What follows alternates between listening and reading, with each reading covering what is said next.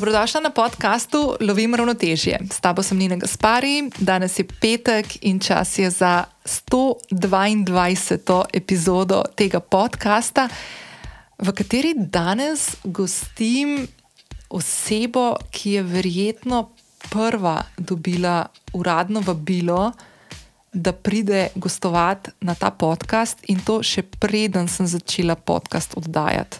Okay. Najprej, da povem, kdo je današnja gostja.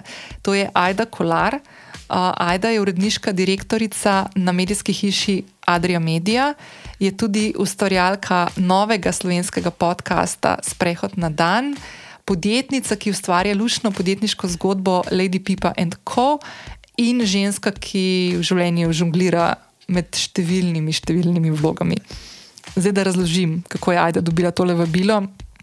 Ko sem jaz se pripravljala na podcast, na izdajo podcasta Lovim Ravnotežje, ki se je zgodila potem decembra 2019, uh, sem klicala Aido, ki je takrat bila urednica revije Cosmopolitan in sem ji povedala, kaj pripravljam. In Aida je rekla: Joj, kako dobro. Mi imamo pa podcast uh, Cosmopolitan, kaj pa če bi te mi tja povabili kot sogovornica, pa ti lahko malo več stvari poveš o tem, kaj načrtuješ.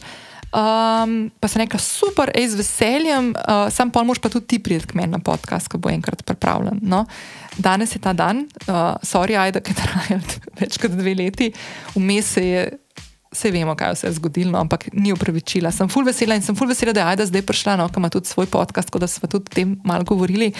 Um, se bom pa v tej priliki še zahvalila uh, Ana Mariji, ki je takrat naredila full lušten pogovor z mano. Ga bom tudi polinkala v zapis epizode, tako da lahko skočite nazaj, dve leti in pol že skoraj, uh, pa poslušate. Bom šla pa moja še jaz poslušati, kakšno je bilo moje takratne razmišljanje, kaj sem jaz načrtovala narediti na tem podkastu in kaj dejansko se danes odvija na podkastu, zdaj, ko poslušamo, se ne morem verjeti, ne 122. epizodo podcasta Lovim Ravnotežje. Tako da, evo. Um, ok, preden skočiva uh, v pogovor z Aidom. Te vabim, tako kot vedno, da če še nisi prijavljena na podcast Lovim Ravnotežje, to lahko narediš zdaj na aplikaciji prek katere poslušaš podcaste, uh, oddaš lahko klikneš na subscribe, oddaš lahko oceno in mnenje, lahko se mi javiš v zasebno sporočilo, ful mi je fajn, ker ena na ena z vami še pol mal poklepetam. Um, če poslušaš podcast, se lahko spomniš, da narediš print screen, pa objaviš to na svojem Instagramu, na uh, storju. Ne me pozabi potegati, da se ti pol tudi zahvalim. Uh, zakaj to vedno omenjam? Uh, podcast ustvarjalci. Uh, smo fulj veseli, da dobimo novo občinstvo. In, um, če ti objaviš kot poslušalka neko stvar, ki te vtegne zanimati, verjetno so okrog tebe tudi ljudje, ki tebe spremljajo in ki bodo rekli: Ah, če pa to njo zanima ali pa njega, pa pa mogoče je to neka taka vsebina tudi za mene. In zato vedno poudarim, ker je to praktično. Edini način, kako lahko mi, ki ustvarjamo podcast vsebine, ne samo jaz, tudi drugi, naprimer tudi Aida z, novo, uh, z novim podcastom Sprehod na dan, kako lahko uh, krepimo um, naše občinstvo in skrbimo za to, da tudi raste, da se razvija, da dosežemo z nekimi vsebinami uh, več ljudi, več všes uh, in odpiramo mogoče kakšne premisleke, ki se drugače mogoče ne bi zgodili. Uh, to dela vsak od nas, uh, slovenski podcast Prostor. Se razvija, raste, sem ful vesela, da je temu tako. Uh, ful vedno rada uh, tudi uh, povabim kolege podcasterje, da pridajo uh, v gostovanje. Uh, že kar nekaj se jih je zvrstilo, če pomislim sam, ok, zdaj je Aida, potem uh, Meta je bila tudi ki je takrat vodila od L podcast, pa mi dve so se skupaj podcastanje učili. Potem je bil že v gosteh, bom tudi bom linke spustila noter v zapis epizode, ki te že čaka spodaj. Um, v gosteh sem imela že uh, Davida Urankarja, uh, Takrat je ustvarjal uh, podcast Automat, kasneje še gospoda z Juretom Godlerjem, Jureta moram še povabiti kaj. Uh, potem uh, Aido Rotar Uran, kar sem povabila, ki ima dva podcasta, uh, Klaro Leben, jo, da nam zdaj koga pozabila, uh, potem Klemna Salakoviča, ki ima Aidejo. Skratka. Uh, Fulmamo tako tak luštna skupnost, no, uh, ki se podpiramo en drugega in se mi zdi tako ful full fine. Uh, tako da tudi danes v tej luči sem vesela, da je Aida prišla pred moj mikrofon in da smo tole posneli za ta teden. Uh, še enkrat spodaj uh, te čaka povezava do zapisa epizode, v njej so polinkane te stvari, ki sem jih zdaj omenila, uh, tudi tisti podcast, pogovor za Kozmopolitan, ki, ki je nastal z mano uh, pred let, dvema letoma in pol. Oh, to so čist neki drugi časi, se mi zdi. Uh, in seveda te čakajo notri tudi uh, povezave, pri katerih lahko Aido spremljaš uh, v prihodnje, tudi njen podcast, pa njeno podjetniško zgodbo, pa nasploh ustvarjanje siceršnje, ki ga opravlja vsak dan. Tako da jaz te vabim, da skočiva v prijeten in lušten pogovor z Aido, ki smo ga posneli. Uh, V njihovih prostorih, na medijski hiši Adrija Media, in uh, se slišiva ob koncu te epizode. Ajda, izvoli. Draga Aida, dobrodošla. Ja, hvala, Nina. Ful sem počaščena, da si me povabila in ful sem vesela, da sem lahko gostja v tvojem podkastu, ki je mimo grede eden mojih najljubših podkastov. Hvala, to smo se zmenili, ne, da boš povedala ne. Ne, ne. ne drugače pa moram tako najprej povedati, da sem tako prikupno živčna. Tudi jaz, veš, jaz imam tremo, jaz sem vedno tremo, ko um, preden nastopam, ker to jemljem kot javno nastopanje, kot neko javno javljanje. Jaz sem vedno ja. tremo. Ampak to zdaj odpiši, ne? Ti odpiši ja, ja. to, da kdo posluša, ti se zdaj z mano pogovarjaš, kot so se dva dni nazaj, ko smo še na Gin Tonic. In tortica. In tortica. Um, ampak veš, kaj sem ti hodila reči? Da v bistvu je to ta tretjič v dveh letih in pol skoraj. Odkar res oddajam podcast, da, sem, da ga snemam izven svoje domače pisarne. Ja, in prvič ga snemam na to opremo, ki sem jo zdaj že par mesecev nazaj kupila, v upanju, da se bo to, kar se zdaj dogaja, da bo snemali v živo. to, se zdaj, to se zdaj realizira exactly. in ta oprema je prav proper. Prav ne, dobro je, pa vidim, da ima tako zelo podobno. Ne, tako da ja, ampak ja, okay, prideva še do tega. Ampak ne, dejansko pa tako ne, da jaz se spomnim dve leti in pol nazaj, preden smo padali v neko realnost, ki nas je odvrnila, da smo se ful videvali. Um, se spomnim, da sem te klicala. -hmm. Ne vem, če se ti spomniš tega klica. Ne vem, ne. točno, kjer klic imaš v mislih. Ja. Jaz sem te klicala in sem ti povedala, hej, ajda, jaz bom pa začela oddajati podcast. Ful mi je neroden, ampak jaz bi se tako malce spičala tebi, takrat si ti bila urednica na Kozmopolitanu. Mm -hmm. In sem imela do zdaj, kam to gre. Ja, in sem rekla, a veš, jaz tako vedno ponovadi kličem za kakšne svoje naročnike, pa to zdaj pa prvič malo vse, vse rekla, da bom imela pa podcast, a tebe to kaj zanima. In ti si takrat rekla, a veš kaj, mi imamo pa od Kozmo podcast, ki je začel pa po mojem, kakšno leto predtem oddajati, kaj pa če bi mi posneli pogovor. In sem rekla, ja, ampak samo če boš potem ti prišla ja, tudi meni. Ja, se spomnim. Ja, ja, se spomnim tega. No, drage poslušalke in poslušalci, dve leti in pol kasneje, samo obljubo izpolnjujem. A veš, to je to zdaj. Ne, ampak dejansko smo takrat posneli uh, z Ana Marijo podcast Ana za, ko, ja, za Kozmo in ga bom tudi polinkala v zapis epizode, ker sem ga šla zdaj le poslušati teden in mi je tako ful smešen, ker to dve leti pa pol nazaj je to čist nek drug svet. In, in druga ali, Nina. In druga Nina in vse drugačne. Ampak mi je bilo ful kul. Cool. Ampak veš kaj, dej te bom jaz najprej vprašala, preden greva na bolj take konkretne stvari. Da mi najprej povej, uh, kako si, pa Kaj se ti je lepega zgodilo v teh dneh? Dober sem, fino sem, hvala. In um, veš, kako tako imam? Pestre dneve imam za sabo, pestre dneve imam pred sabo, ampak v tem momentu mi to čisto gaja, mi je v redu, mm -hmm. ni, mi, ni mi vedno v redu tako, uh, ampak ta trenutek mi to sede. Um, sicer pa, če govorijo o tem, kaj se mi je lepega zgodilo. Uh, Um, par dni nazaj smo bili na, dve, dva dni nazaj smo bili na uh, tortici, na tem gin toniku, ki si ga prej omenila. In, je, in so imeli res en tak prijeten klepet, eno tako ljubko srečanje. In to je ena izmed stvari, ki so se mi zgodile, ki so lepe. Sicer pa uh, ravno včeraj je bil moj Miha v Ljubljani, mi da sicer živiva uh, vsak na svoji strani med tednom, Miha na Koroškem, jaz v Ljubljani, ker imam tukaj obveznosti. In vsakič, ko pridem v Ljubljano, je to ena taka lepa stvar, ki jo moram omeniti. Sicer pa tako se mi zdi, uh, dnevi se daljšajo, več imamo sonca kot prejšnje dni, uh, malo že lahko vonjamo pomlad.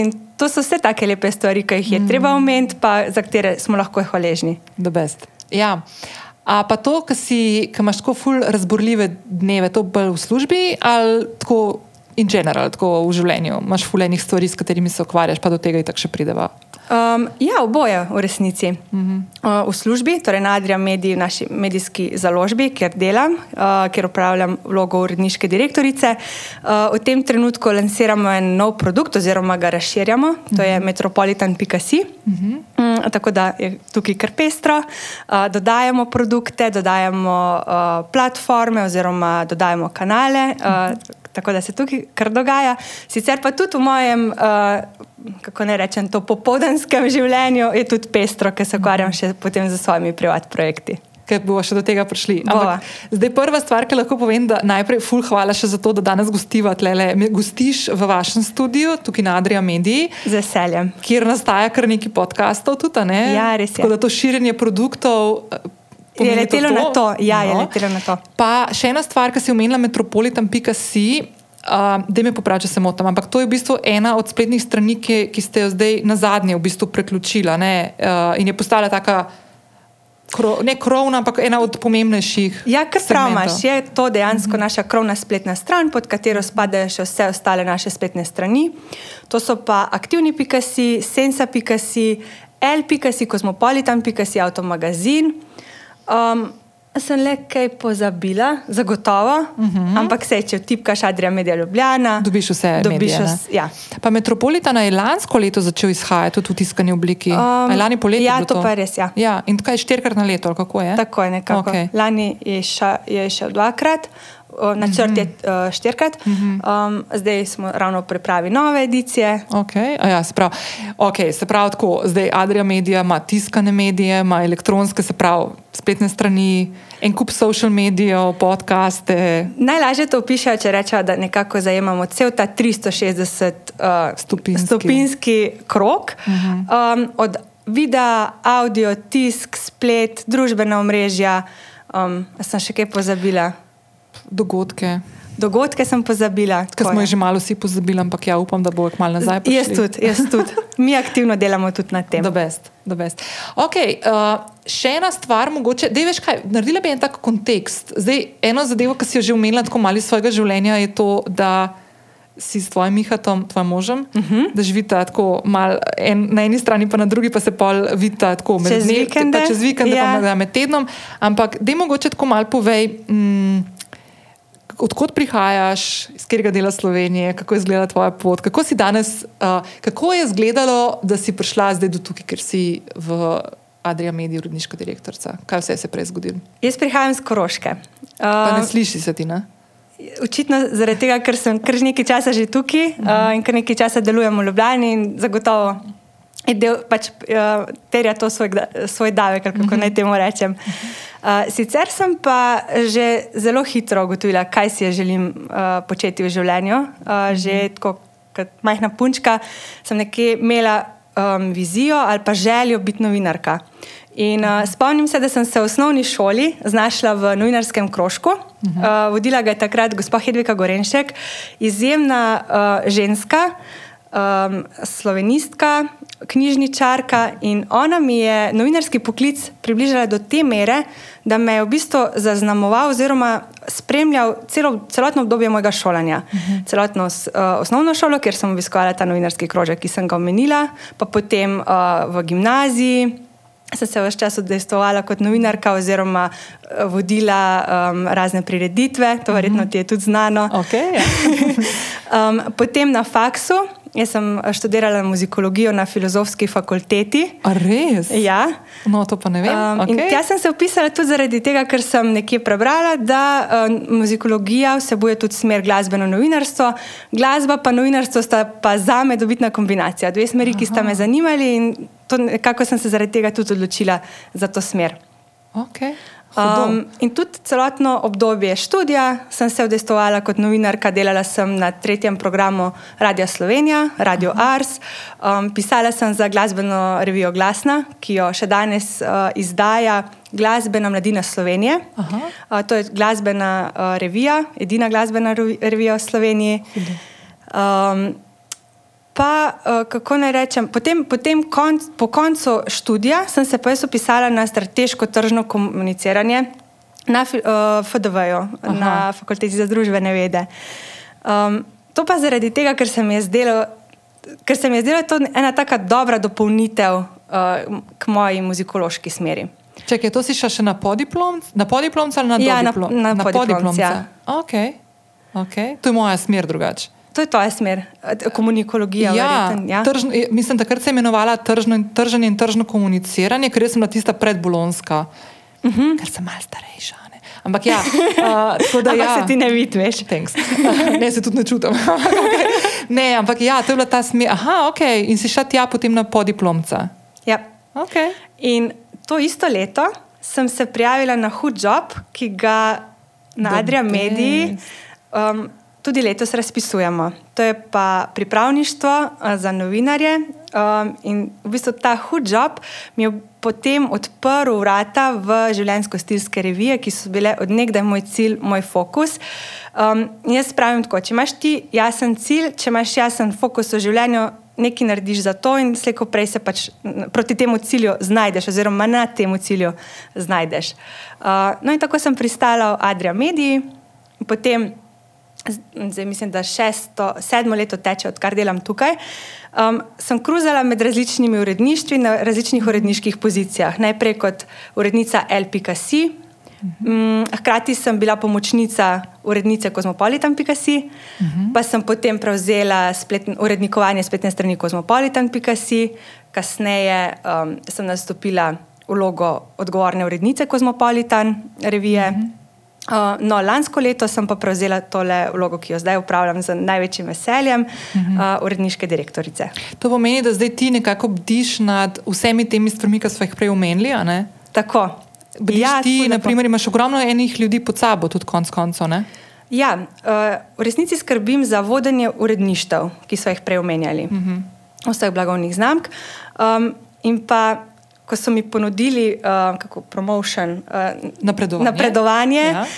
um, sem vprašala, da, da ja, sicer vem, kaj je moja predhodnica Meta Kač, ki jo zelo cenim, uh uh, počela. Um, ampak vseeno me zanima, kaj, kako si to predstavljajo, kaj bom jaz počela. In mi je takrat direktor Tomaš Drosk, mislim, še zdaj direktor, uh, rekel, v bistvu si nekakšno lepilo med trženjem in uredništvom. In dejansko ne gre lepše opisati te pozicije mm. oziroma moje vloge. Skrbim, da nekako komunikacija med trženjem in uredništvom lepo teče, mm -hmm. mogoče uh, svetujem pri kakšnih konceptih, potem tudi skrbim, da se ti koncepti dobro implementirajo, da se mm projekti lepo izvedejo. Ampak tako si nekako zdaj šla iz te uh, prve strasti ustvarjalke vsebina, ne se pravi, da si ti tista, ki si iskala teme, pisala o njih. In tako naprej, ne? ali pa naprimer bdela na tem, kateri grejo noter, si zdaj v bistvu prišla v neko bolj tako strateško vodstveno pozicijo, kjer ne gre več samo za vsebino, ful pomembna stvar, ampak gre za to, da dejansko celotna zgodba stoji tako, kot more. Se pravi, da, Tako. in da je da, da ji gre poslovno dobro, se pravi ta del, plus da gre tudi na vsebinski ravni nekako z roko v roki. Ne? Tako je. Ja. Sedaj je tukaj potrebno poudariti, da za to ne skrbim sama, da tukaj mm -hmm. imamo še ostale vodje oddelkov, mm -hmm. s katerimi se izjemno dopolnjujemo in delamo mm -hmm. kot tim. Ampak ja. Um, Top. vse te izkušnje, ki sem jih prej nabirala kot urednica, kot novinarka, mi zdaj pridejo super prav, um, zaradi tega, ker vem, kaj, kakšno vlogo igrajo novinarji, uredniki in jim lahko super svetujem mm. in pomagam pri vseh projektih, ki se jih lotevamo. Ej, to je ful dobra stvar, ki bom zdaj izpostavila, ker se meni zdi včasih tako, da jih. Um, ena stvar, veš, kaj sem zdaj pomislila. Um, tako te, okay, da ne bo tako zdaj izgle- izgledalo, da jaz mlajše ljudi podcenjujem, ampak veš, kaj opažam, pa niti ni to nujno slaba stvar. Zelo imajo to željo potem, da so slišani. Se to imamo vsi, ampak tako ta želja včasih gre med te, v, to smer, da hoče malo preskakovati hitre stvari. Uh -huh. In zdaj si ti omenila, kako si šla praktično iz študentskih uh, začetkov, ko si se prijavila na hud job, pa to bo tudi omenili, ker se mi zdi full the best fora. Um, in da si tako počasi, počasi, počasi plezala do mesta, ki ga danes zasedaš, ki je nekako najvišje v bistvu mesto na tej uredniškem delu. Uh -huh. In uh, to, kar si sama omenila, da danes, ravno zaradi izkušenj, ki si jih sama nabirala na svoji koži, lahko razumeš, mogoče tudi, a veš, ena je dinamika, izzive, težave, mogoče, ki jih ima še ali novinar ali urednik. Točno to, ja. A ne? Točno to. To se mi zdi zelo pomembno, uh -huh. um, da, da greš po stopničkah, da ne prehitevaš. Ker uh -huh. na koncu, koncu, če prehitevaš, um, mogoče nisi kos vlogi, uh -huh. um, jo. kat- Čevlje, katere stopaš, če rečemo temu tako. Dejansko lahko se ti zgodi, kar tudi sicer se zgodi v življenju, greš par korakov nazaj. Lahko, ne? Ja, ker Ali pa stagniraš. Ali pa stagniraš. Ja. Ne, to mi je full the best. Pa veš, kaj še ena stvar mi je full fine. Dej ta hud job. No. Ker to imate zdaj vsak let, še to, sedem let. Ja, mislim, da sedmo leto teče. Ne Sem- me držati za besedo, ampak se mi zdi, da sem zadnjič ravno gledala, da teče sedmo leto. Sam, sorry, to je full kratek čas. Ne? Ja. To je tako kratko, zgleda tako full dolgo, ampak to je dejansko kratko obdobje za tako pot. Ne? Tako Ja, da, ja. Kapo dol.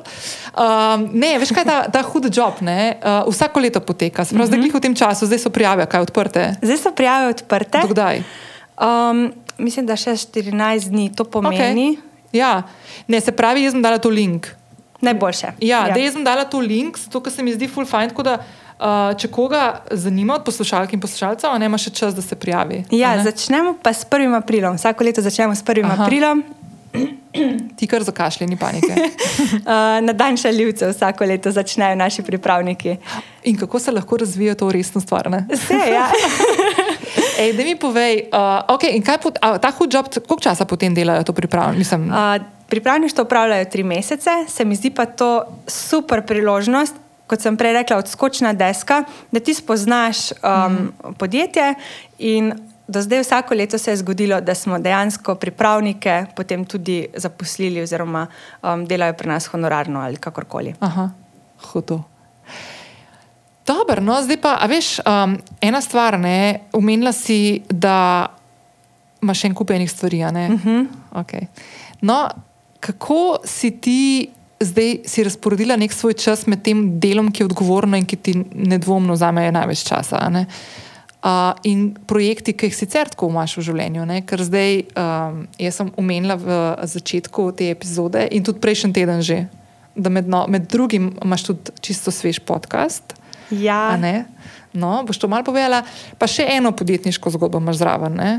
No, da zdaj malo povej, kako se je to sploh zgodilo, pa kako ti te stvari, ki pač danes 24 ur, ne? kako zdaj, kako zdaj ti to handlaš vse skupaj med sabo. Jaz se, Nina, če sem čisto iskrena, se mi zdi, da včasih tega vsega sploh ne usklajujem dobro. Ampak, ko pa pogledam z distance, je pa tako, da dejansko vse te stvari, ki jih upravljam, s katerimi se ukvarjam, so moj življenjski stil. In uh, nekako je to vse poteka precej naravno uh, pri meni. Um, ja, podcast, ki si ga omenila, Sprehod na dan, uh, sem ga lansirala v uh, tem mesecu. Ne, v tem mesecu bo že druga epizoda, prejšnji konec Februarja. februarja. februarja. Um, in na to sem zelo ponosna. Ta platforma, torej podcasti, so me vabili že nekaj časa in um, sem res vesela, da sem jih začela oddajati. Um, in se veselim naslednje gostje, A bo razkrili? Devana. Dobro, no, naslednjič bom, naslednja gostja sem jaz. ne, ampak to je ful dobra stvar. Veš kaj, ful mi je všeč to, ker jaz imam tak feeling pri teh podcastih, tudi ko sem jaz začela. Da je, čeprav takrat, pa veš, to tako dve leti nazaj, ful je bilo manj tega, ampak vse. Ne? Ampak, naprimer, primer, ne? preden sem jaz začela s podcastom svojim, sem gostovala prvs na podkastu. To je bil moj prvi podcast. Tako, v posod, mislim, od, ne, od vseh nastopov možnih. Ne, je bil to prvi. In mi je bilo to, ful mi je veliko to pomenilo. In tudi jaz pol poskušam enako nazaj. a Veš, tako, da, zdaj se je že kar ene par ljudi tako javili, ki so razmišljali o podcastih in so se kontaktirali. Ne, in sem rekla, da bes, valjda le povem, kar kol rabite, valjda ne. To Mi pa to, pa to. všeč, ja. ja, in se mi zdi tudi ta community tako. Veš, to so se tudi lani, ko sem bila pri Klemenu Salakoviču, ki ima idejo, so se ful pogovarjali o tem Klemenu in takrat tudi pol malo po tistem naredil eno Facebook skupino. A si ti notor tisti Facebook, Ne, po mojem, da slovenski podcast, da te bom jaz, te bom jaz dodala. Uh, in je tako ful, takrat je še neka ta scena tekla, tako da bi se malo bolj pogrupirali, pa malo pomagali bolj konkretno en drugmu. Pa ni se pa neki razvili iz tega, ampak tam vsi tako pomagamo. A veš, ko postavi kdo kakšno vprašanje, pa to. Pa se odgovarja. Valjda. super. Pa David Urankar je imel tudi eno idejo, ki je bil tisti, uh, mislim, da je bil, je bil SoundCloud, ali kaj je bila una platforma, ki je bila full. Uh, popularna nekaj časa, ena aplikacija je bila, no, vse, vse. Tam smo neko skupino naredili, da smo tam pa pol tisto SoundCloud, ja. zamrli. Veš, ono živo podcastanje, kao, ki je bilo neka fora. No, se ne, Ne vem. Pozabila. Nina, jaz sem še čisti ruki tukaj, tako da. Ne, sej, ej, sej, by the way, sej jaz Pravi naslov. sploh ni fora o tem, ampak ja, tako se mi zdi full fine in tako da jaz z veseljem uh, pridem, z veseljem in Se veselim čuške te rabila. epizode, zelo, zelo. Ampak kaj je koncept podcasta? Koncept je, torej jaz sem pred dvema letoma, ravno takrat, ko se je začela, um, začela ta situacija z koronavirusom, ustvarila komunity na Instagramu, um, ki se imenuje Sprehod na dan.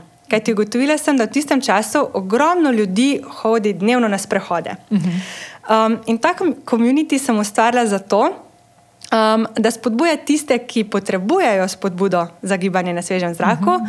in uh, za vse tiste, ki si, gibanja, um, ki si brez gibanja življenja ne morejo predstavljati. Uh -huh. Um, zdaj sem pa to, ta komunit dobil kar nekaj sledilcev, oziroma kar nekaj pripadnikov, uh -huh. um, ljudi, ki dnevno hodijo na sprehode, to objavljajo, se spodbujajo med sabo. In zdaj sem ta komunit nadgradila še z podcasti, um, kjer bom gostila vse um, ki so del tega komunitija in vse, ki imajo neko vezo z prehodi v naravi. Ej, by the way, a veš, da je bila ena stvar, ki sem le jaz ful vesela. Uh, danes, da se dobiva, je bila to, da pridem uh, v mesto, v center, peške, ker fura, da grem petko, ker sem vprašala dva dni nazaj, ker smo šli na Džin Tonik peške. Pa sem pa dala tako vtis na hrbtni gor in ta uprema res tako težka, ne, sem rekla, le klincne. In sem, evo, zdaj, ko to govoriš, sprehod je danes, verjetno ne bom naredila tega sprehoda dnevnega in mi bo ful manjka, ali bom pa šla zvečerno. Ampak ja, in ful dobra stvar, zato ker ful velike teh uh, profilov, um, teh skupin, ki se v bistvu razvijajo okrog nekega Kako kar že brend rata, veš, ne vem, uh, hribo, kaj so hribo? Hribovc. Hribovc, ja. Tinka, planinka se mi zdi. No. To so same, ta, sami ampak, dobri brendi, resnici. Ful dobro, ampak to so vsi, ki hodijo v hribe. Ja. Mene je ful dobro te fotke gledati, ampak mene hribi ne potegnejo za enkrat tolk. In to je bila moja misel. Ja. ja, ker vem, da niso vsi hribovci. Mm. Um, in tukaj noter. Um, Tukaj so v tem komunitiju sprehod na dan, so dobrodošle tudi mamice, ki grejo z svojim mm -hmm. otročkom na sprehod. Um, tudi na vse zadnje, pač vsi, ki grejo na, v mesto na sprehod, pa ki grejo pešo službo.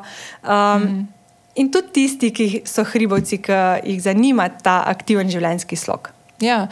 In v bistvu je tako, ravno s COVID-om, se je to tako zgodilo, ker smo bili takrat zaprti na te regije oziroma na občine, da dejansko, tudi če bi Točno ti fulhoto, imaš možnost, da se gibaš tudi ker je bilo najbolj restriktivno. Ne? Tako je. Ja.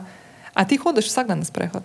Ne, zdaj, ne, sem, ne. zdaj si me kar malo zadrego spravila, kar si želim, ampak um, ne najdem, prav, mislim, ne vzamem si tega časa, to, če ja, sem ja, iskrena. Ja. Ne, da ne najdem, I, ne vzamem. Ne vzameš si, ne. Ja, prioritete. Pa sej, le imam isto, sej imam isto. Sem pa med vikendi mogoče bolj pridna, kar se tega tiče in takrat pa res smuknem, ker na bližnji hrib, Uršla Gora je pri nas. Uh, res tako, luškan, uh, gora je prav, ni, ni hrib Aha. in je super koliko je približno to, naprimer, kakšna primerjava s kakšno šmarno, više, fulje, ne dvakrat, ne zihar. Više je. Ja, ja, ja, ja kar ne konkretno. A si ti tako vsak vikend skozi?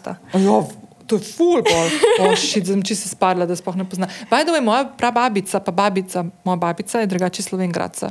Nisem vedela. Ja, gor imam en del familije. A no, super. Ja, ja. Ne, se vedela sem. Uh, lažem. Ja, sva se že pogovarjali o tem. Ja, ja, ja. Vse res. No, ampak ne, to, da ne poznam čist dostno, še vsem tistih krajev, bi spet bila kakšna sporočila, exekli. Ja, no, ne, ampak, ej, um, kaj sem ti hotela reči? Ne, dejansko greš tako na sprehod, naprimer jaz, pa ta smartwatch, pa te forene. In pa gledamo njih 10 tisoč, ko so nas zdaj fulno vlekli na teh 10 tisoč, ko dejansko je to marketinški trik. Ne. To sem zadnjič brala en. Brala sem na prvno, ki sem omenila zadnjič, um, mislim, da bil ta Hustle um, newsletter ki sem ga omenila v prejšnji epizodi, da je full hood, uh mhm. -huh. pa da ima res dobre, zadnjič sem jim tudi full podcast, da jim poslala. Tako ful te statistike, pa trende, pa to globalne, ful zanimivo. Uh, no, in, je, in so pisali o tem, kako je do teh 10.000 korakov prišlo. Da to so v bistvu eni uh, kampanji, naredili marketinško uh, na japonskem. Da ni fora teh 10.000 korakov. Ne. Mislim, vsak korak, ki ga več narediš, kot bi ga sicer, ne, če bi sedel, je boljši. Ne. Uh -huh. Ni neke unemeje, koliko bi jih mogel narediti. Zanimivo je, kako nas je to obsedalo. Ja, imaš tudi deset tisoč v glavi. Na urah, ja. posod. Ampak je res tako v glavi, naprimer, jaz, jaz tako vidim, veš, tudi z mojim, nekaj tako greva z mojim dragim, nekaj smo se bajdo v ful spoznavali na sprehodih, ampak o tem več v epizodi pri Aidi, če me boš to vprašala. No? Ampak, ja, ja veš, zdaj bom. Zdaj boš, ne. ne, ampak je tako, veš, um, imaš čisto v glavi, aha, zdaj pa deset tisoč, zdaj pa kul, cool, zdaj pa tisto sem naredila, ampak, veš, zdaj pa ne bi, ne vem, petnajst, ne, ali pa. Ja. Ali pa še več. Ja. Ali pa manj ali pa manj. Ampak ti št, imaš ti tako, da ti šteje? Ne. Nimaš, ne, ne. ne maram dober. tega. Ja. To si vzamem res, da si prezračim glavo, da se mi zdi da ko grem na sprehod, z vsakim korakom se mi popravi koncentracija, glava mm -hmm. se mi zbistri, misli se mi zbistrijo in ne maram teh omejitev na sprehodih. A pol ne poslušaš podkastov, naprimer na sprehodu? Ne. A res? Ne. Podcaste poslušam, ko se vozim. Jaz imam te dolge Aha, razdalje dolge vožnje, in ja. uh, te dol dolge vožnje izkoristim za podcaste. To, takrat to obožujem. To se mi zdi, da prav koristno izkoristim Mhm. ta čas um, na poti. Ej, za foro, a tebe, jaz jih tudi poslušam, ko vozim, pa na sprehodih. Ampak, um, a ti, ko voziš avto in poslušaš podcast, imaš daj občutek, da, ne, da nisi skoncentrirana na vožnjo? Ne, nikoli. Nikoli, ne? ne. Jaz tudi Čeprav ne. menda, um, menda uh, ti vzame kar velik del koncentracije tole, oziroma ti preusmeri pozornost. Vse bi rekla, da je to mal bullshit, ampak jaz sem to tudi imela eno, eno sceno, da se bom povedala. Um, mislim, da sem bila jeseni, so me povabili za gostjo na eno oddajo na TV Slovenija, ki mislim, da ni več zadnja beseda, ne vem, če še obstaja, ne vem, če se še oddaja. In je bila tema o podcastih. In je, mislim, da Katarina Kresal je bila tam, uh -huh. ena od sovoditeljic, in je rekla, kako je to v bistvu, zdaj so pokazali raziskave, kako je to v bistvu napačna stvar. Da, mislim, kako ni dobro, če ti voziš avto, pa poslušaš podcast.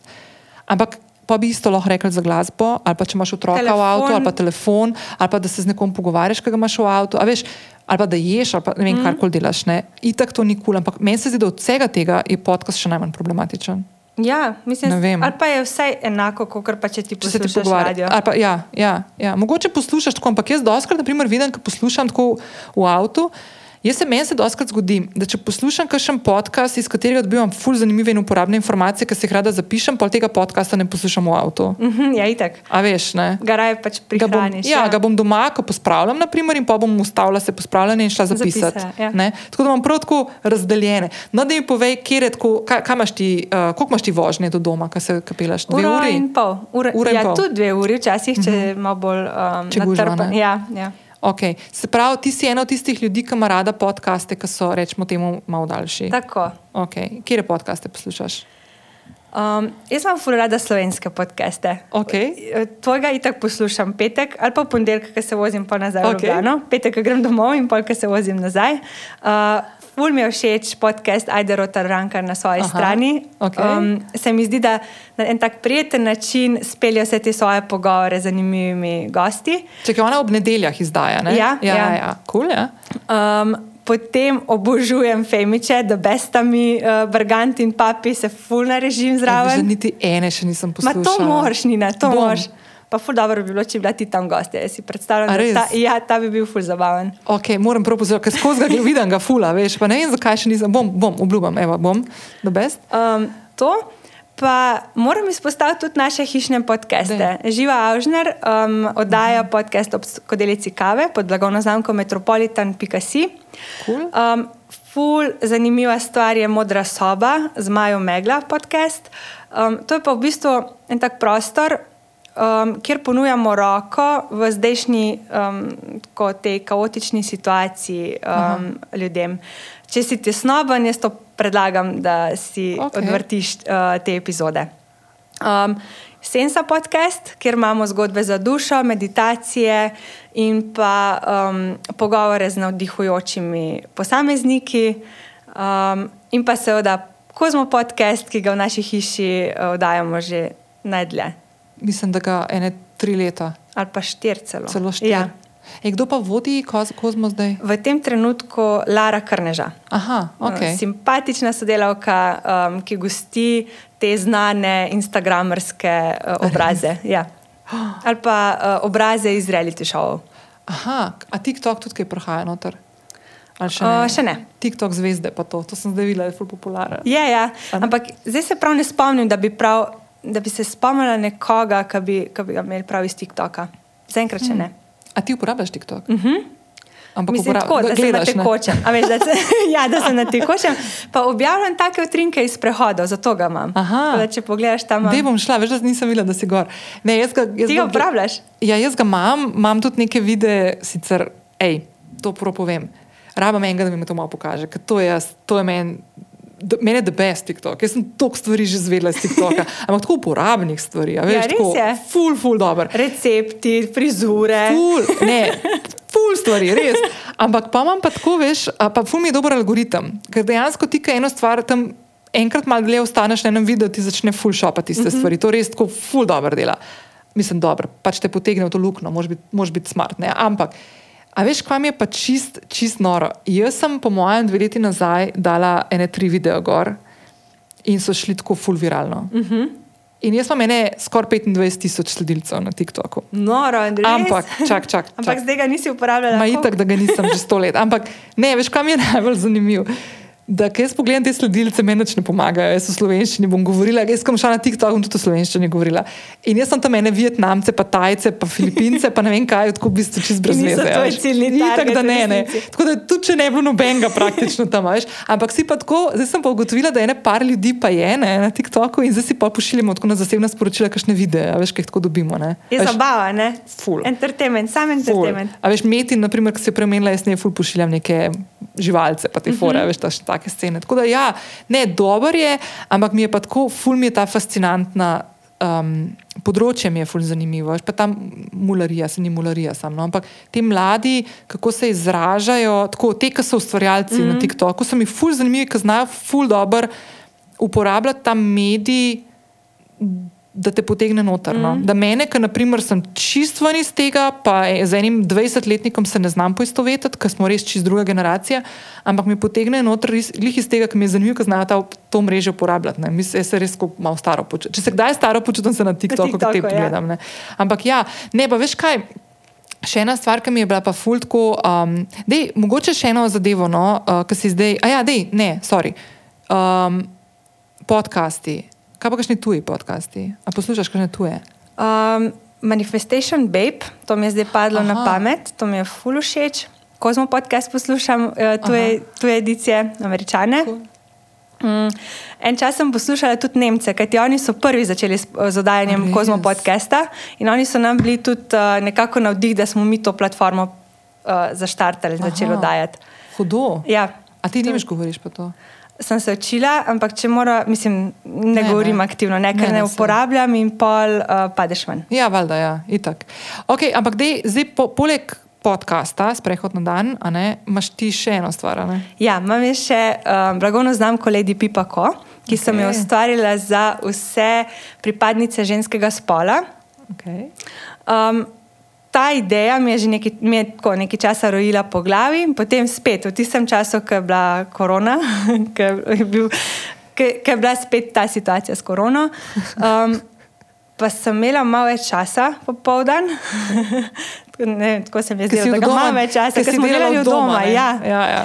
Um, pa sem, se, sem rekla, ok, zdaj je mogoče ta pravi čas, da jaz to svojo idejo izpeljem. Uh, in sem pripravila v sodelovanju z sodelavko uh, Anjo Kralj, ilustratorko, oblikovalko uh, beležnice, ki se imenujejo Zabeležka, uh -huh. Zabeležke. Um, In v bistvu se mi zdi, da so en tak produkt, ki ti vedno polepšajo dan. Jaz vse čas beležim stvari, jaz se ne znajdem, če si stvari napišem.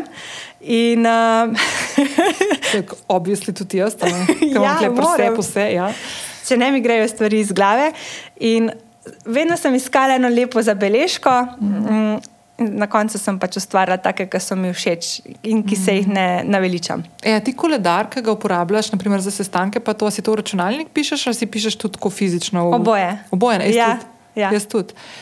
Ej, ne morem, pa veš, kaj mi je všeč. Meni je full fine, si zato imajo za te aplikacije razne asane, pa naučni, da nekaj stvar obklukaš, pa se pa uh -huh. nekaj zgodi na ekranu. Ne vem, da na asani, ne vem, če še tako je neki unicorn, tako čez ekran odletel. Tako. No, ampak meni je pa full gušt ki počičkam ali pa prečrtam nekaj, kar sem naredila. Ali pa odklukaš. Ali pa odklukaš. No, tam, to je pa ena tistih stvari, ki si me prej vprašala, kako jaz usklajujem vse te svoje obveznosti.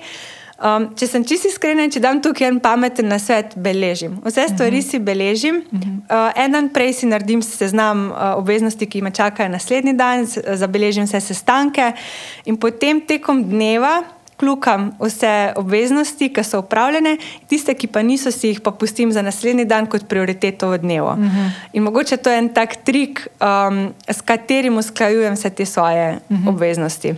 Ej, sem to, veš, to je ista fora, ki me nekaj doskrat vpraša. Ne vem, ker se kar neka ta fama se je naredila, se zdaj mislim, da je že to mal minilo. No? Ampak, ker sem začela podcast ven dajati, pa ta lovim ravnoteže, pa ful to govoriti o tem nekem ravnotežju, pa ravnoteže, pa ravnoteže. Bilo tako kao, um, wow, ona je to zdaj vse poštekala, veš, ona zdaj to ve, kako to dela. Ne, ni to sploh Ni ne. point, ne? Prvič ni point, drugič je to nemogoče. To je pač neka želja potem, da skozi mal, da bdiš na tem, kaj se uh -huh. dogaja in da poskušaš biti v nekem ravnotežju. Ampak to je tako ful dinamična stvar. Ne? A veš, in ne gre zdaj za to, da jaz pa to zdaj totalno obvladam ali pa lahko o tem govorim. Jaz, valjda je to, se mi podre. Ful se mi podre. Vem, zadnja dva tedna, to smo se zdaj v ponedeljek pogovarjali, ful. Zadnja dva tedna sem jaz čist out. Tako čist, kot sem se v bistvu v letošnje leto podala z nekimi tako zelo jasnimi cilji, zelo jasnimi, um, kaj hočem, kaj hočem spremeniti. By the way, ti bom povedala mojo besedo, a ti lahko zdaj povem, se sem Daj, o tem že prosim. govorila. Ja, daj. moja beseda leta je transformacija. In vse stvari, ki jih jaz zdaj počnem, v vsako odločitev, majhno, večjo, največjo, poskušam se lotevati stvari na drugačen način, kot sem se do zdaj. Ne nujno vsake stvari, kaj ene stvari, ki sem se do zdaj lotevala, so bile pravilne in pametne in so prinesle rezultat, ki sem ga hotela. Ampak je pa ogromno enih zadev, ki pa so šle mem. Pa, pa, pa se zdaj vračam nazaj, ki bi jih rada re, realizirala, ali pa neke nove. In sem zdaj rekla, ne, da bom okrog hočem obrniti. Veš, sem šla, ne vem, dve leti nazaj, za 2020 sem imela besedo leta rast. Uh -huh. Pa sem imela za besedo lanskega leta je bil pogum, ker sem rabila, da če hočem zdaj rast naprej, moram biti pogumna. Pogumna, ja. Zdaj se mi pa zdi, okay, vse to sem mal začutila, malo bolj pogumna sem ratala, malo manj me je strah, zdaj rabim pa nekaj še dodaten puš. In je bila ta transformacija me je tako ful, ful, Ful lovila. Ne? Ja, ampak veš, in je tako, naprimer, zdaj le zadnja dva tedna. Ne? Ko gremo iz ene drame v drugo ne, in ne vemo čisto dobro, kaj nas čaka za uvinkom, pa ko probaš ne razmišljati preveč o tem. Ampak dejansko sem jaz tako čisto ven iz ravnotežja zdaj lepadla. Ampak jaz mislim, da je to en tak čist naraven pojav. Pač te vržemo ven, Ja. ampak če imaš ti jasen fokus, kot imaš ti transformacijo v tem letu, uh -huh. te pol to že utiri spet Ja. nazaj v prave tire. Ja. In grede, moja beseda leta je pa minimalizem. Okay. In če se tukaj spet lahko navežem na Hudo. te svoje obveznosti, je, da no, minimalizem na vseh področjih svojega življenja, mojega življenja. In tudi na tem področju, um, ko usklajujem obveznosti, nekako skušam um, potegniti črto med tem, kar je res pomembno in tisto, kar je malo manj pomembno, oziroma mm -hmm. sploh ne. In um, ne da zdaj odrežem tisto, kar ni pomembno, mm -hmm. ampak delam selekcijo med Se bolj ful dobro. pomembnimi in manj pomembnimi stvarmi. Okay, a, a je kakšna taka stvar v tem času, naprimer, odkar si se odločila za to besedo, ki naprimer danes lahko poveš, ali pa tudi ni treba, no? ko se to se sama odloči, ni preveč tako taka intimna stvar. Ampak a je kakšna taka zadeva, ki si v tem času, naprimer zaradi tega, ker si se odločila, da boš to poenostavljala, da si naprimer ugotovila, da nekaj, ki ti je prej predstavljal ali ful veliko obremenitev, ali pa ne vem, ali pa, ali pa da si preveč pozornosti nečemu namenjala, da si zdaj ugotovila, da to pa res ni tako zelo pomembno. Ja, fula že diham. Okay? S tem, ko sem malo prefiltrirala te stvari, se mi zdi, da ful lažje diham. Pa še nekaj se mi je zgodilo, potem, ko sem si zadala to besedo minimalizem. Marie Kondo je spet prišla k meni na obisk. A res? A si šla pucat ja, stanovanje? in mi pospravlja malo mojo umaro. Okej.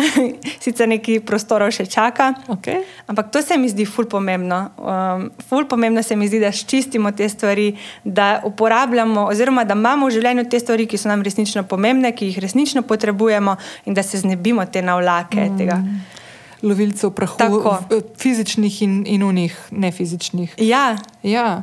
Ej, ampak to sem tudi jaz delala na dve leti nazaj, ta Marie Kondo pismo, Spark Joy, kaj je že bilo. Ne? vse po mojem sem jo ravno prek tebe. Uh, ja, da, da si mi ti tako, ki si omenjala na svojih Ja. ja. Pa pa itak Netflix ti jo meče ven, mislim, da takrat ja. je metal ven. Pa se ona pa še nekaj drugega, ni uh -huh. še nekaj. A je še ona še na digital tudi? A ni možno, da je ona tudi tako naredila, kako pol te digitalne, no se ne vem, se mogoče da sem vem, vem da je bila še ena druga serija, ki sicer mi ni bila tako Aha. zelo všeč kot prva serija. Okay.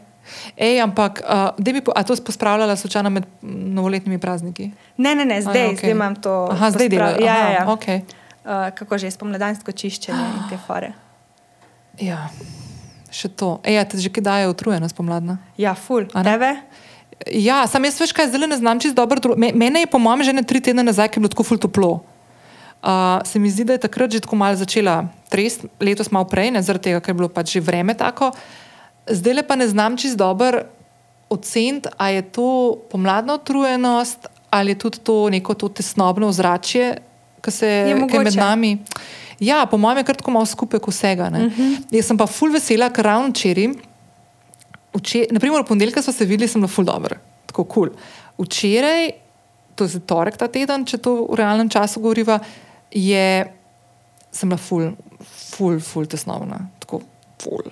In, me, in sem čez dan govorila z enim kolegom, Janom, ki sem mu ful hvaležna, da smo imeli klic, ki mi je tako, a veš, kako te pade, veš, začneš. Jaz ne vem, če se, okay, sem čisto zašla, ampak to moram zdaj na glas malo to povedati. Razložiti. Razložiti. Ja, a veš, ko se ti tako ena taka stvar dogaja, neka drama se odvija. Ne? Veš, kako se je dve leti nazaj COVID začel in smo bili vsi prestrašeni, nismo vedeli, kaj hudiča nas čaka.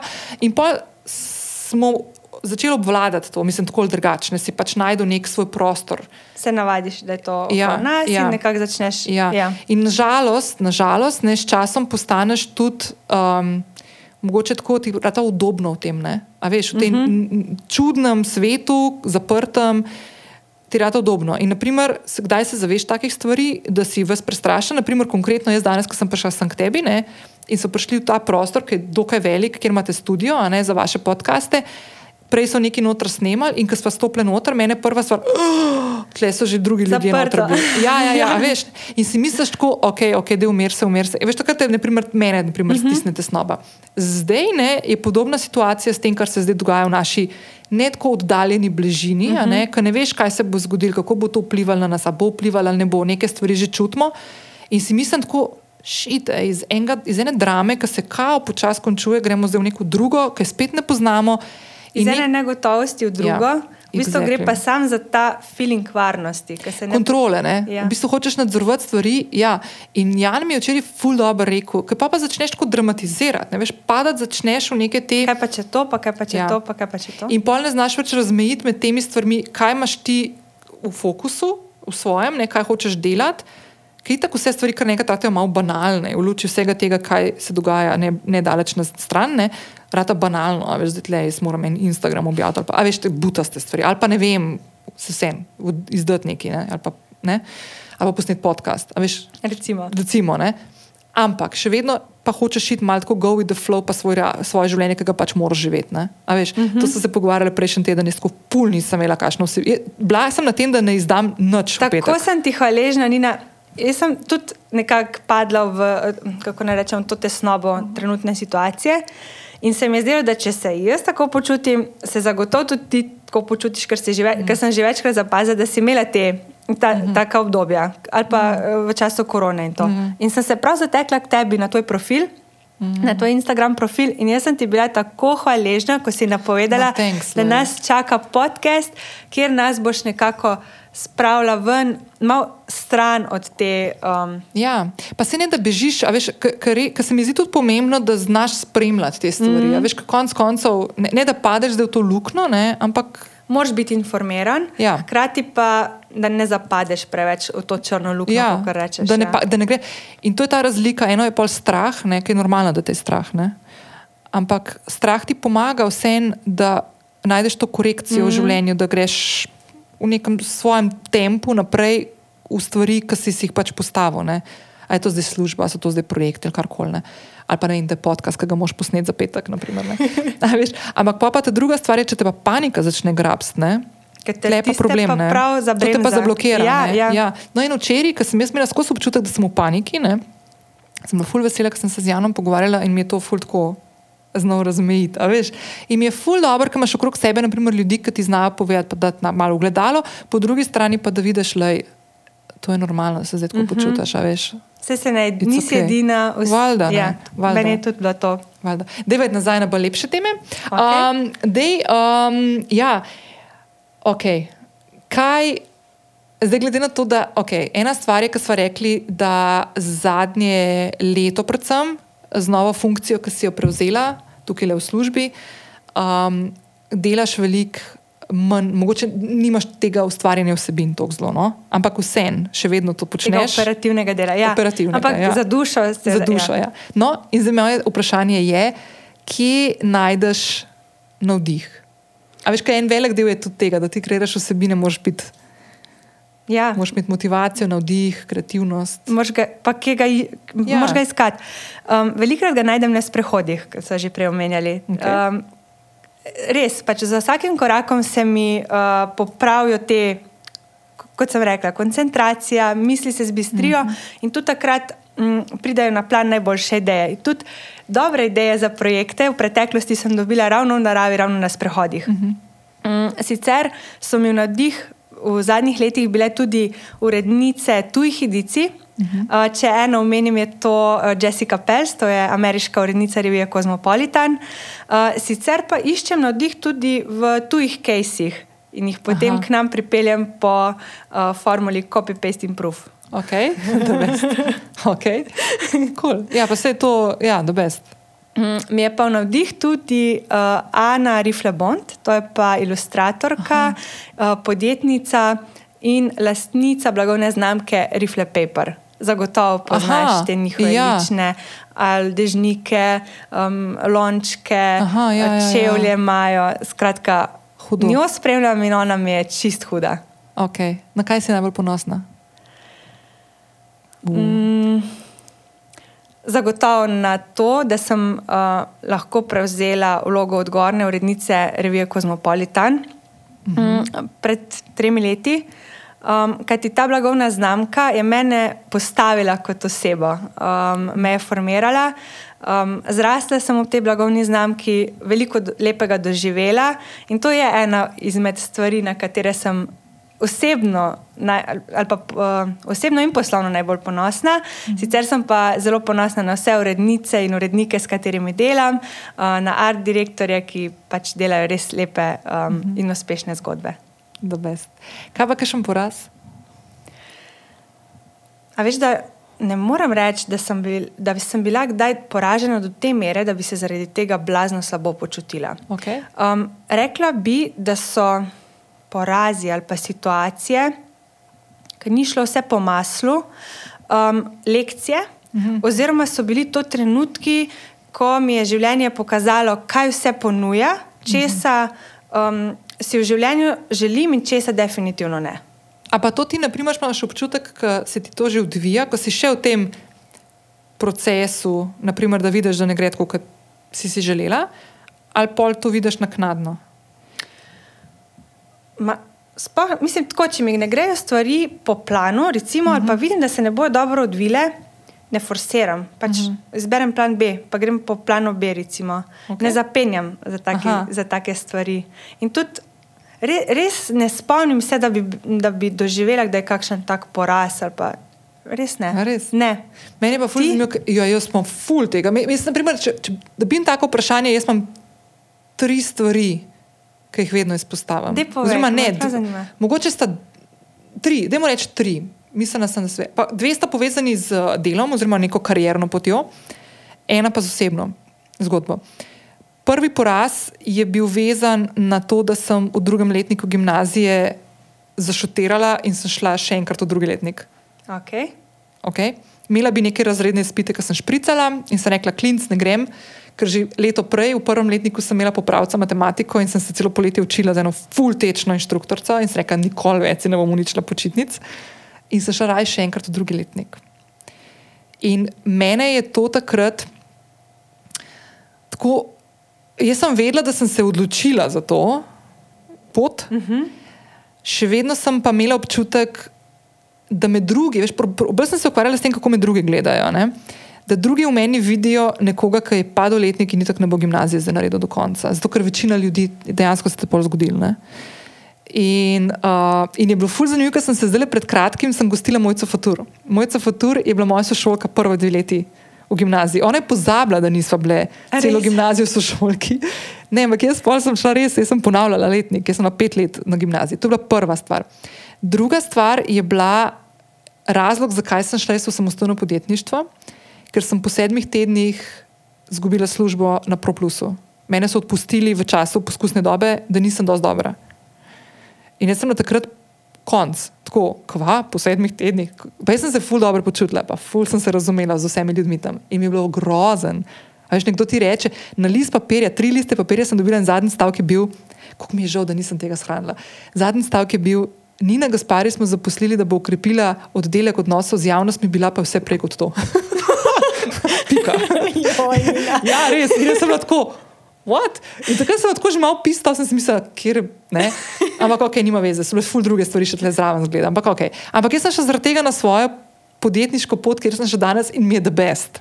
Ne? Tretji pora, poraz, ki v bistvu ni poraz, ne? se nobena ta stvar, to so lekcije. Ne?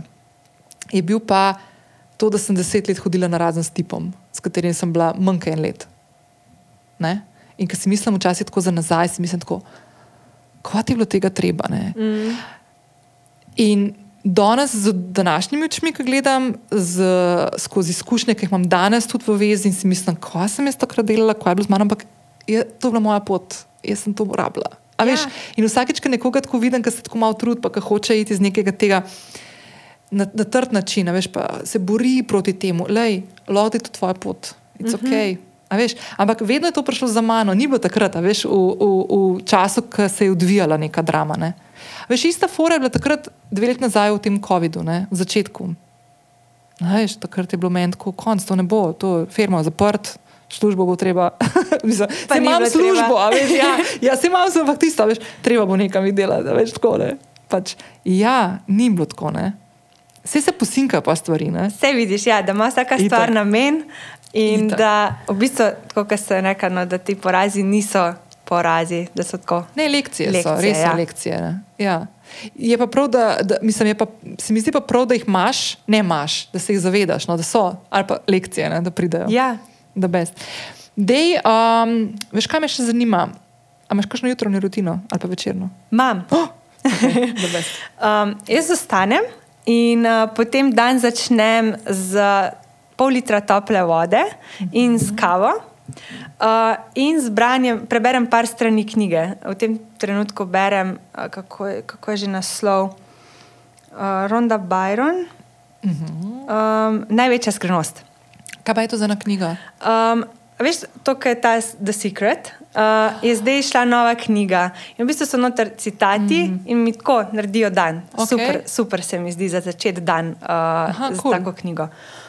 Pa grem pa v kopalnico, se počasi uredim in grem proti pisarni. Uh -huh. um, potem imam tukaj, tukaj ni rutine, tukaj dan ni enak dnevu. Um, ko pa pridem domov, imam pa spet rutino, um, ker se mi zdi dobro, da imam en tak urnik. In sicer od, eh, se ponavadi oblečem v športna oblačila, odtelovadim z manjco šepetavc. Um, Okej. Ali naredim uro joge z uh, Adrian, yoga with Adrian. okay. A to na Um, YouTubu gledaš? Ja, Okej. super mi je, the best Top. mi je. Um, in potem grem tako ob devetih, sem že v postli, berem, gledam še socialna mreža in padem. Zaspiš. Ja. E, veš, se. Se ne zaspim ob devetih, ampak pač. Aha.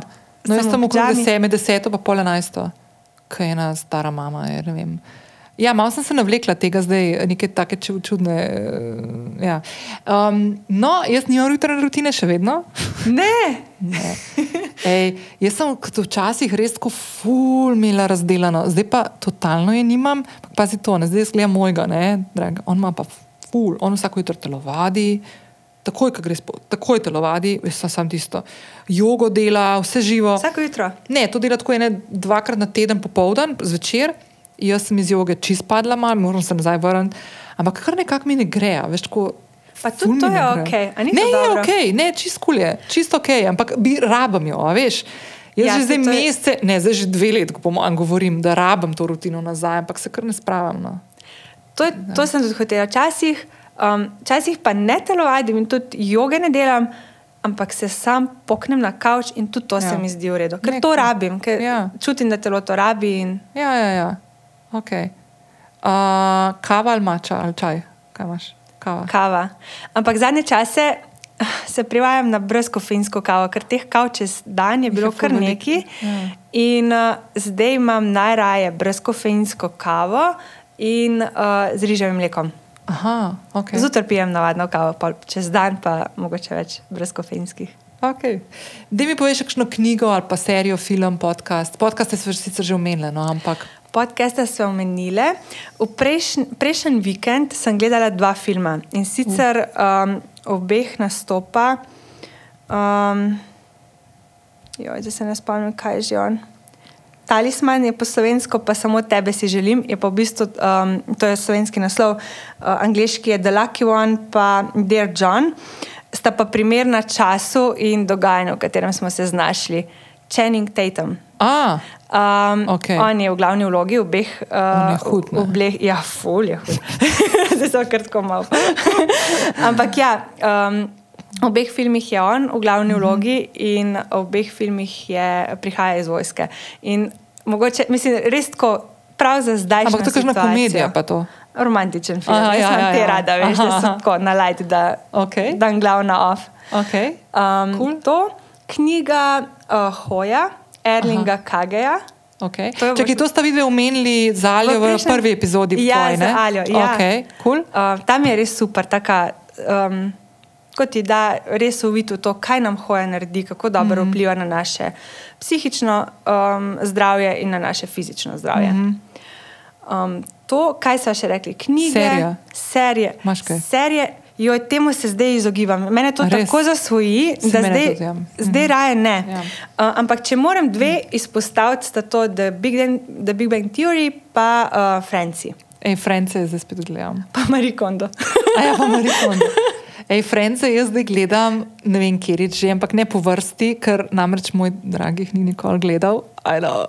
Uh, in mi je ful dobro, ker zdaj njemu dajem te, veš, te najboljše, najboljše dele super. in mu jih tako mečem. In včeraj, naprimer, smo gledali un del, ki se Čendel pa Monika poročita, ki je dvo- v dveh delih. ja. Ej, Ščijem od smeha, še vedno, tako res, že to njotič, ne, tako da ful dobro. Ja, a je še kakšna stvar? A smo kaj pozabili? Ne, pomagam, da so kar zajeli. Sva, ne? Ja, nekako. Ej, jaz sem ti ful hvaležna, veš kaj sem ful vesela, da,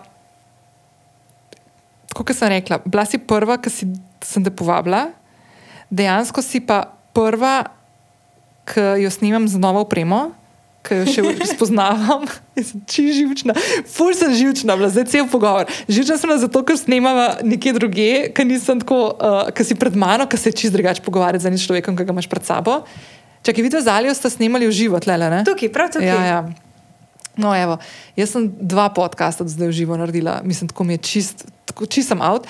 Uh, ful mi je dobro, ampak ja, pa to oprema pa me je strah, da bo zatajila, ker prejšnji teden mi je zatajila pogovore, ne, ne ta oprema, nekaj drugega in sem bila čist živčna, zdaj snemam še enkrat jutr, noro. Ampak, da, ampak sem ti ful hvaležna, ker evo s tabo prvič stvari. Hvala grejo. tebi, Nina. Jaz sem, veseljem. tudi, bila ž- jaz sem tudi hvaležna, najprej moram s tem začeti, uh, da si me povabila. Uh, ful hvaležna za ta prijeten klepet. Hkrati sem bila pa tudi cel čas živčna, ker tvoji podcasti so izjemno dolgi in sem vse čas tipala, jo me bo vprašala, kaj, kar, na, če, Aha. na kar ne bom znala odgovoriti, pa da ne bom slučajno kakih neumnosti klatila. Ne, ampak tako, meni se zdi, da so ful kratki, tako niti ena ura, še ni malo manj kot ena ura. Meni se zdi, Evo, da so kratko in jedrnato. Ampak super, za vse tiste, ki se mogoče ne boste do Koroške, mogoče malo bližji. Ampak ja, super. Ej, ful ti hvala, Hvala tebi. se vidiva. Ja, čau, Čau. čau. Hvala, Aida, hvala tudi tebi, da si ostala oziroma ostal z mano do konca. Um, prihodnji teden pride nova epizoda, ki jo bom spustila v eter iz Nemčije, namreč naslednji teden odhajam za en teden uh, v Leipzig in v Berlin. Uh, hvala vsem, ki ste mi poslali predloge za Berlin, ker namreč grem prvič, no, ker malo se posipam s pepelom, ful mi je neroden to na glas reči, ful časa imam Berlin že na listi. Na bucket listi, pa evo, zdaj le bom prvič prelezla do tja. Uh, ful, hvala vsem, ki ste mi res poslali, kam je fino kaj pogledati. Uh, tako da, hvala. Uh, bom se javila in to se smejem, se zdaj mi gre na smeh, zato ker tokrat omenim to. Mislim, da sem zdaj pred kratkim tudi se o tem pogovarjala z nekom, da, da sem vedno imam občutek, ta, da sem late to the party. ne. To, ja, vem, s kom sem se to pogovarjala. Mislim, da z, z Andrejem Krajnerjem ali pa z Aljošo Bagolo na začetku leta, ker smo bili tudi sodelavci na agenciji Pristop in vedno tako poslušam, ker nekam pridem, joj, včasih je bilo tako dober. In pa sem zmislila, tako, kako hudiča jaz vedno pridem v nekem obdobju, ki je kao nek zaton ali pa ne vem, ni več tako, kot je bilo. se spomnim, ko sem šla na Bali prvič leta nazaj in sem tako poslušala. Jo, se Bali je super, ampak jo, kako je bil dober deset let nazaj. In pa si mislim, tako resno. No, skratka, tako da tudi Berlin se mi bo, po mojem, isto zgodilo. da včasih je bil ful boljši kot zdaj, ker je ful preveč moderen, whatever, no se vse. Ampak jaz se ful veselim, tako da naslednji teden se bom javila, uh, predvsem prek Instagrama, ki je skozi te objave, bo pa tudi podcast epizoda prišla, ker sem jih malo naprej uh, pripravila. Pardon. Uh, pripravljam še kar nekaj takih pogovorov, zdaj le v naslednjem obdobju, uh, s katerimi se želim m, tako odpirati neka taka razmišljanja, uh, premisleke, kritično razmišljanje. Uh, se mi zdi, da je tega tako ful premalo v življenju, no? da imamo. Tudi jaz pri sebi gledam, zdaj se toliko enih stvari v zadnjem obdobju dogaja okrog nas, v naši bližnji okolici. Um, kolektivno smo ful dovzetni za neke stvari, ki jih slišimo iz razno raznih virov, in se mi zdi, da prihaja čas, ko moramo res začeti malo sebe tudi poslušati, se mogoče izučiti na nekih področjih, na katerih smo mogoče malo šipkejši, um, da razumemo, zakaj se določene stvari dogajajo. Um, Pa da znamo potem tudi kakšne odločitve sprejemati, ki vplivajo konkretno na naša življenja. No, tako da zdaj v naslednjem obdobju uh, bomo kar takih, take stvari, take teme odpirali. Mogoče bo zaradi tega tudi kakšna epizoda več se zgodila. Um, ker je letošnje leto za nas tukaj še posebej pomembno, ker nas čaka kar ene parkrat, da se bomo tudi mi, državljanke in državljani, odločali direktno o tem, kakšno, kakšno družbo, kakšen svet, kakšno državo želimo sooblikovati v prihodnosti. Uh, tako da se bomo veliko o tem pogovarjali. Ne bomo šli konkretno v neke fulblazno politične stvari, uh, ampak ravno toliko za, za to, da se malo pogovarjamo o tem, da se, da se spodbudimo en drugega, tudi da gremo oddati svoje glasove na tri volitve, nas, vsaj tri volitve, ki nas čakajo letošnje leto, če se ne bo še kakšen referendum zgodil vmes. Um, pa da smo aktivni v neki ti drži sooblikovalcev naše skupne realnosti, ki si fulž želim, da ostane ali pa postane malo bolj pozitivna. Um, čeprav je to težko zdaj v teh dneh razmišljati o pozitivnosti na tak način. Um, ok, uh, to je to za danes. Naslednji teden se javim iz Berlina oziroma iz Leipziga prej. Z, novo, z novo epizodo. Lepo se majte, uživajte, majte se radi, ujemite čim več sonca, tega uh, uh, sramežljivega pomladnega sonca, oziroma sramežljivega sonca, ki mogoče že diši malo po pomladi, pa upam, da čim prej pride. Uh, pa, uh, predvsem se imejte fajn. Čau, čau!